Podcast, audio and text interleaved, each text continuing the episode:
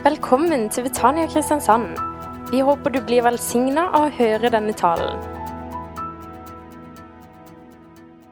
Du vet, denne, denne våren, dette, denne januar og februar, våren, det var litt positivistisk. Det er liksom, nå skuer vi fremover her. Det skal komme en vår, dere. Ja, da er det rett rundt hjørnet, eller noe, om en måned eller fem. Så, så, så kommer våren, vet du. Og det som har vært fokus her, det er jo dette med Guds ord, at Bibelen er Guds ord. Og så er det jo sånn at Jesus er jo den røde tråden gjennom Bibelen.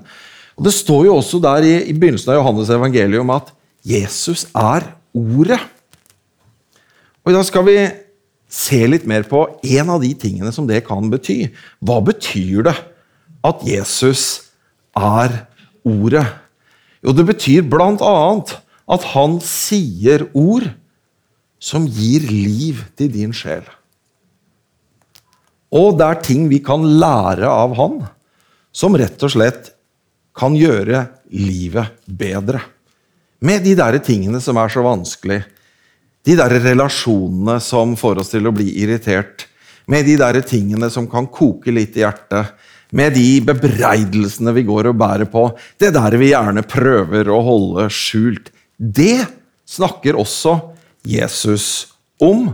Og når vi går til Bibelen, se på den fine der. Det er litt fint med det bildet der. Jeg likte det bildet der.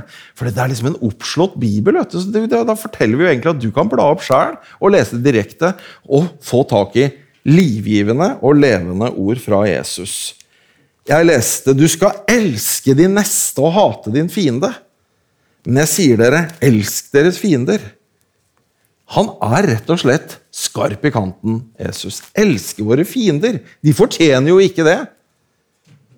Nei, men vi trenger det. Det er godt for oss.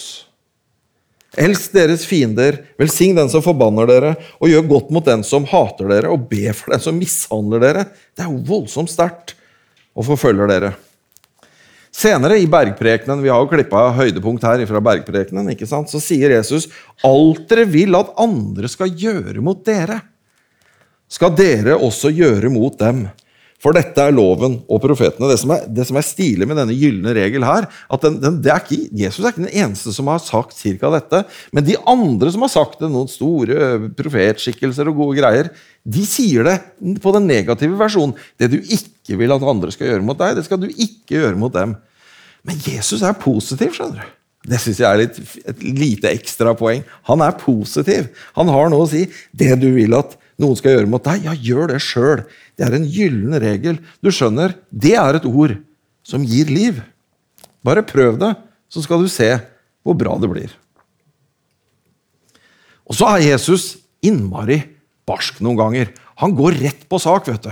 på dette her, vet du, at du skal elske dine fiender. Om noen slår deg på høyre kinn, så vend også det andre til. Og det er klart, Dette gir opphav til pasifisme, og dette er jo veldig omstridt. For noen tenker nei, nei, du kan ikke legge deg flat for alt, eh, alt slemt og alt ondt her i verden. Nei, det er ikke det som er betydningen. Så det er litt grann sånn, Du må studere det litt for å få helt tak i betydningen. Men Jesus utfordrer oss til å begynne å tenke. Hva mener han med det? Skal vi bare finne oss i det der greiene der? Nei, men han utfordrer oss til å finne en annen vei enn det der å hevne seg selv og hevde sin rett. Det er jo et klokt ord som sier 'gjør din plikt og krev din rett'. Det er slettes ikke dumt. Men Jesus har noe som ligger på et enda høyere nivå. Som kan løfte deg og ditt liv og meg og mitt liv opp på et høyere nivå. Og, og, og I Romerbrevet kapittel 12 så står det en sånn derre oppsummering av dette her i flere vers. Gjengjeld ikke ondt med ondt. Ha tanke for dem, for det som er godt for alle mennesker. Det står alle mennesker, ikke alle du liker. Ikke alle som er som deg. Ikke alle som oss. Det står alle. Hold fred med alle. Om det er mulig. Ja, der har du den. Det, det må vi ikke glemme. Det, er, det føles umulig. Hold fred med alle om det er mulig, så langt det står til dere. Ta ikke hevn, mine kjære, men overlat vreden til Gud, for det står skrevet:" Hevnen hører meg til, jeg skal gjengjelde, sier Herren. Ha så nær sagt hutte meg tu. Det, det jo, det, når jeg tenker på det, så er det jo ikke noe å glede seg til. Så står det Men er din fiende sulten, så gi ham mat. Er han tørst, så gi ham å drikke. Gjør du det, samler du glødende kull på hans hode. La ikke det onde overvinne deg, men overvinn det onde med det gode. Det ligger noen dype, livgivende sannheter her. Jeg vet ikke Kirkens Nødhjelp, hva slags forhold du har til det. Eh, og, og, Noen tenker kanskje at det er Den norske kirkes nødhjelp, men det er litt sånn at det er alle kirkenes nødhjelp. Og der er det jo lett å ta feil og tro at det er Kirkenes eh, nødhjelp. Og sant å si så hadde jo Kirkenes voldsomt behov for nødhjelp i 1945, da de hadde blitt bomba sønder og sammen i den der andre verdenskrigen. Og, og, det hadde jo skjedd også med Tyskland. Var, var det Alle byer var bomba sønder og sammen, unntatt Heidelberg. For der hadde de bestemt seg at generalene skulle bo. De, de allierte generalene, Var det ikke sånn det var? da? Og så kom nyhetene opp hit til lands at det var stor nød blant tyskerne. De hadde jo ikke huser å bo i, og det var ikke mat. og det Var... Da starta de Kirkens Nødhjelp for å hjelpe de sivile tyskerne i 546. Rett etter krigen mot nazistene. Du vet hva, Det står det litt respekt av. Å svare med nødhjelp til det tyske folk. Vet du hva? Respekt for det der. Jeg tror de har lest litt i Bibelen, de som starta. For du skjønner, Det er en livskunst i det. Og Nå begynner vi å nærme oss de tøffe tingene. ikke sant? Jeg hitla jo hele den talen nå, med å trekke inn den krigen. ikke sant? Tenk på nobelprisvinneren. Hvordan var det? Var det i fredsprisen han vant? Men han var forfatter. Eli Wiesel. Han kom jo akkurat ut av gasskamrene. Han overlevde med knappest mulig margin konsentrasjonsleirene.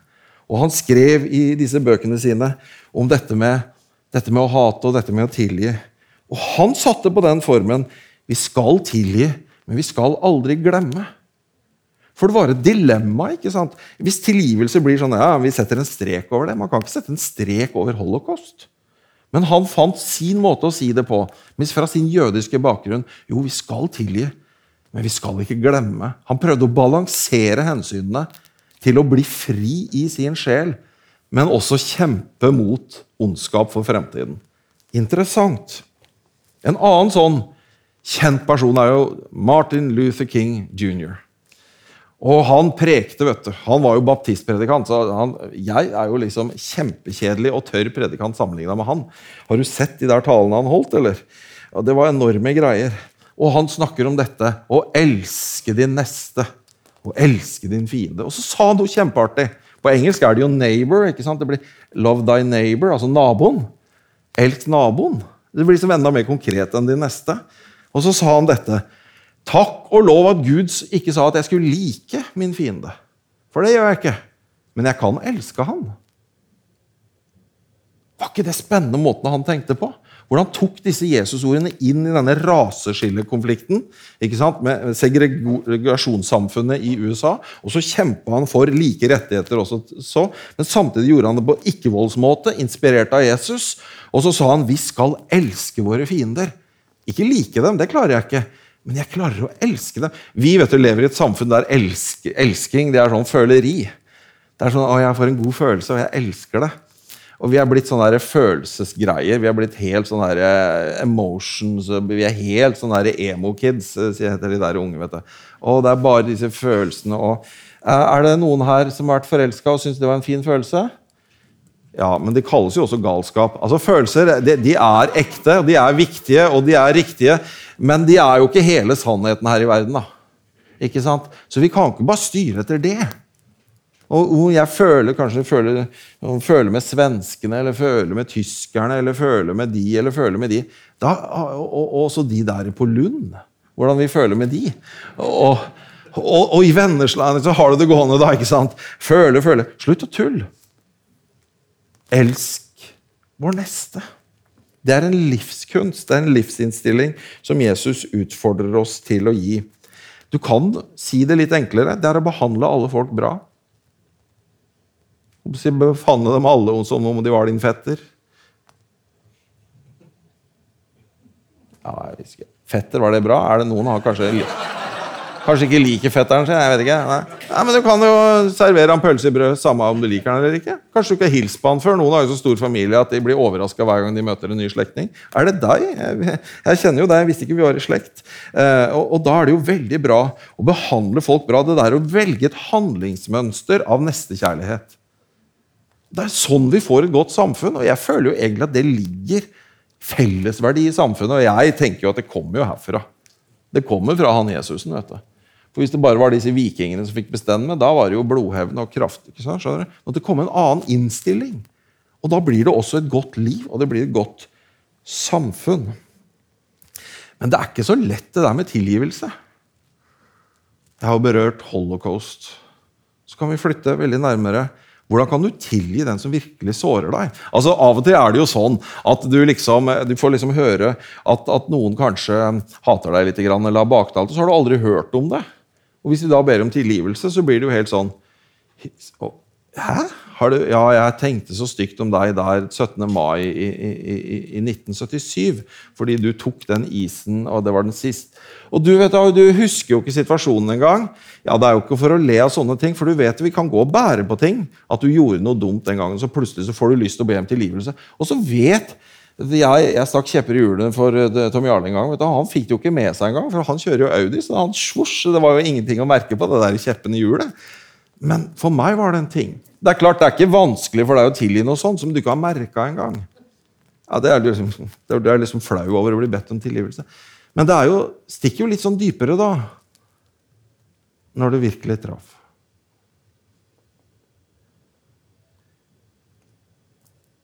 Og dusten har jo aldri bedt om tilgivelse. Hva gjør du da? Det er da det Jesus sier, er gull verd. For de der tingene som virkelig treffer, de som virkelig sårer, de som ikke slipper taket, de har det med seg, skjønner du at de kan ødelegge livet ditt. Det er det som er det virkelig djevelske med det. For sånne onde ord eller slemme handlinger de er liksom sånne skudd. Og da er det jo en naturlig psykologisk forsvarsmekanisme da, å beskytte deg og ta imot. Og det er sunt og riktig. Vi trenger det. Vi kan ikke bare legge oss flat for alt. Men den forsvarsmekanismen den har den tingen med seg at på over tid så gjør den deg bitter, hatefull, hevngjerrig. Og hvem er det som lider under det? det er jo deg selv. Psykologisk er det en forsvarsmekanisme, men det er en forsvarsmiddel som angriper deg selv. Det er akkurat som det skjer jo med immunforsvaret av og til. At det, at, det, angriper altså det, det, går liksom, det, går liksom, over stokken. Særlig skjer det med sånn organ du får inn en ekstra nyre fra utsiden. Så blir jo den totalt angrepet av immunforsvaret ditt. Den skal jo angripe det, negative, men så plutselig kan det angripe det positive. Sånn er det med bitterhet, hatefullhet, hevngjerrighet. Det er et forsvar av sjelen, men det ødelegger deg over tid.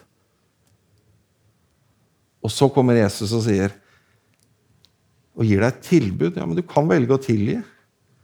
Det er veien til frihet. Det er motgift. Og Her kommer det der psykologiske spillet inn. For veldig mange ganger så, så, så, så, er dette tøft og vanskelig. Ja, Men han fortjener ikke å bli tilgitt. Hun fortjener ikke å tilgitt. Ikke har hun bedt om tilgivelse heller. Tilgivelse. Vi innbiller oss selv noen ganger at det er en gave. Jeg, nå ble du dagens liksom, illustrasjon når vi snakker om sånne tøffe ting. At liksom, hvis, jeg, hvis jeg, Han gjorde noe, da, han svarte med samme mynt, liksom stakk kjepper i hjula på meg, og da stoppa jo jeg bom fast. ikke sant? Og så og så ber han ikke om tilgivelse. Og så føler jeg hvis jeg skal tilgi han, så må jeg gi noe til han. Og det vil jeg jo ikke. Han fortjener det jo ikke. Men tilgivelse er ikke det. Tilgivelse er en gave du gir til deg selv. Det er en gave du gir til deg selv, til din egen sjel, til ditt eget indre liv. Kanskje kan vi skille, Dette har jeg lært av en sånn psykolog som sa tilgivelse det er noe som skjer i deg, men forsoning da må det en gjenopprettelse. Da må du be om tilgivelse. Da kan det skje en prosess. Da kan man bli venner igjen. Da kreves det mer. Vi blander tilgivelse og forsoning. Men tilgivelse er noe som skjer i deg. Det kan skje i hemmelighet, faktisk. Du trenger ikke å ringe til mobberen og si 'jeg har tilgitt deg'. Men kanskje får du det bedre Ja, jeg vet du får det bedre hvis du tilgir mobberen. Enda han aldri, eller enda hun aldri brøy seg. Tenker, Du føler at hun, han tenkte at det ikke gjorde noe galt engang. Det er det utrolig sterke med det Jesus sier. Han utfordrer oss, men det er en gave og en mulighet til å få fred i sjelen i møte med alt det der som sårer, og som gjør det surt av og til. Josef hadde jo en familie, og han var jo glad i familien sin, men det er jo fra sine egne man skal ha det. Så de krangla jo litt internt. Men sjokket var jo stort da de kasta han ned i brønnen. Og så viste det seg jo at det var jo forhandlingsløsningen, for de hadde jo tenkt å drepe ham. Og der nede på bunnen av brønnen så fikk han overhøre at det var forhandlingsmøte på toppen. Nei, vi selger han som slave, da. Så ble han solgt som slave av noen andre slektninger. Tremenningene, ismaelittene. Så havna han i utlandet, i Egypt, som slave. Han var hos Potifar, og der gjorde han så godt han kunne. Han var flink. Men der ble det en innmari løgnaktig historie med kona til sjefen. Og, og da havna han i fengsel. Han var anklaga for noe han ikke hadde gjort. Av, han var anklaga for å være den første metoo, men det var skitoo denne gangen. Den ene gangen var det eh, skitoo. Og, og der satt han nede i bunnen av fangehullet. Du, hadde, jeg hadde blitt bitter der. Altså, når Først så blir du solgt av din egen familie, og så blir du falsk dømt og anklaga og dømt. Det, det er jo grunn til å bli litt bitter da. Det er dagens sitron, føler jeg. Der fikk han jo to kompiser. Han ble, liksom, han ble tillitsvalgt der nede òg. Eh, og, der, eh, og det var bakeren og munnskjenken, og han begynte å tyde drømmene dem. Så han ene sa 'beklager, kamerat, eh, dette er slutten for deg', sa han til han der bakeren. Og han ble jo deppa, mens munnskjenken sa han 'nå er du på vei opp av hølet', og du skal rett inn i faraos tjeneste igjen'. Og borte var han, og borte ble han. Satt han igjen alene, Josefsen. Hadde ikke du blitt bitter da? Litt, kanskje? Litt muggen? Litt irritert?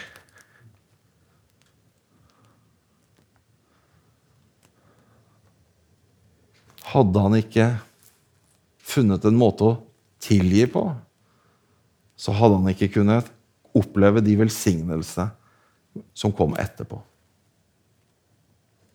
For han blir henta opp. Farao har drømt om både sju magre og sju fete kuer. Og han sier løsningen har jeg lært av Nicolai Tangen. Det er oljefond. Eh, nei, men kornfond, Vi må spare i de gode tider, så vi har til de dårlige tidene. Og farao sier kjempegod plan, du blir statsminister. Og så får han gifte seg med Miss Egypt. ikke sant? Sofnat Panea, nei, det var vel det han ble kalt. Hva het hun der? Potifera? Nei, hva het hun? Eh, de hadde så morsomme navn der nede. Altså, de hadde jo ikke poteter, men de het poteter alle sammen. Potifar og Potimor og Potifera. Men eh, der blir han da gift med hun der og får en sønn. Og se på, se på hva han sier der i den fortellingen om denne sønnen sin. Om denne sønnen sin så sier han Den førstefødte kalte han Manasse, for Gud har latt meg glemme alt mitt strev og hele mitt fars hus. Tenk hvis historien stopper der. Så Det høres jo ganske bra ut. Jo, Gud har latt meg glemme det vonde, at jeg ble solgt som slave, at jeg opplevde alt det fæle. Men det er jo litt trist å glemme hvem du er, da, ikke sant? og alt det der. Så vet vi som har lest Bibelen, at historien fortsetter. Så klarer han å tilgi sin familie, og han kommer til dem og sier Gud tenkte det til det gode, selv om dere tenkte det onde. Tilgivelse er en mulighet og ikke et krav når det onde rammer deg. Når Jesus hang på korset, så sa han Tilgi dem, far, for de vet ikke hva de gjør. Og det å ydmyke seg og be om tilgivelse, det gjemmer. Det er en nøkkel til en stor velsignelse. Og det å våge å tilgi det som gjør vondt. Når de ikke fortjener tilgivelse, ikke tenk på den måten. Tenk heller du trenger å tilgi. Du fortjener at du tilgir dine skyldnere. For da kan du starte på helbredelsesreisen så det onde ikke lenger får denne grusomme, vonde makten i ditt hjerte. Du skjønner, Jesus er ordet, og ordet gir liv. Det var en kvinne som hadde gjort mye feil. Og de var sinte på henne. De ville til og med steine henne. Da stilte Jesus seg frem og sa, 'Den av dere som er uten skyld, kan kaste den første sten.' Da gikk de bort, de eldste først. Har ingen fordømt deg? sa Jesus. Nei, ingen har fordømt meg. Heller ikke jeg fordømmer deg. Gå bort og synd ikke mer. Jesus er nådefull med oss. Og han har gitt oss en nøkkel til å være nådefull med andre, for det faktisk er en velsignelse til oss. Jeg vil gå så langt som å si at det er fundamentet til det Betania er. Du kan få tilgivelse, og du kan tilgi. Det er en stor velsignelse. Amen. La oss be. Jesus Kristus, jeg takker deg for at du tilgir synder. Jeg takker deg for at jeg kan få være en tilgitt synder. Takk for at du tilga meg. Jeg ber deg, Herre Jesus, om at tilgivelse må flyte i dette rommet. Du ser de som sitter her nå og ønsker seg tilgivelse for det de gremmes over, for det som kanskje er en skam, for det de gjorde som de visste de ikke skulle gjøre, eller for det de ikke gjorde som de absolutt ville ha gjort. Jeg takker deg for at din tilgivelse, den krana, står på fullt trøkk. Hjelp oss å ta imot av din tilgivelse. Og så ber jeg deg om at du, Hellige Ånd, må lede oss til å tilgi, så vi kan bryte den onde sirkel. Amen. Du har nå hørt en tale fra Betania Kristiansand. For mer informasjon kan du besøke våre hjemmesider på betaniakrs.no.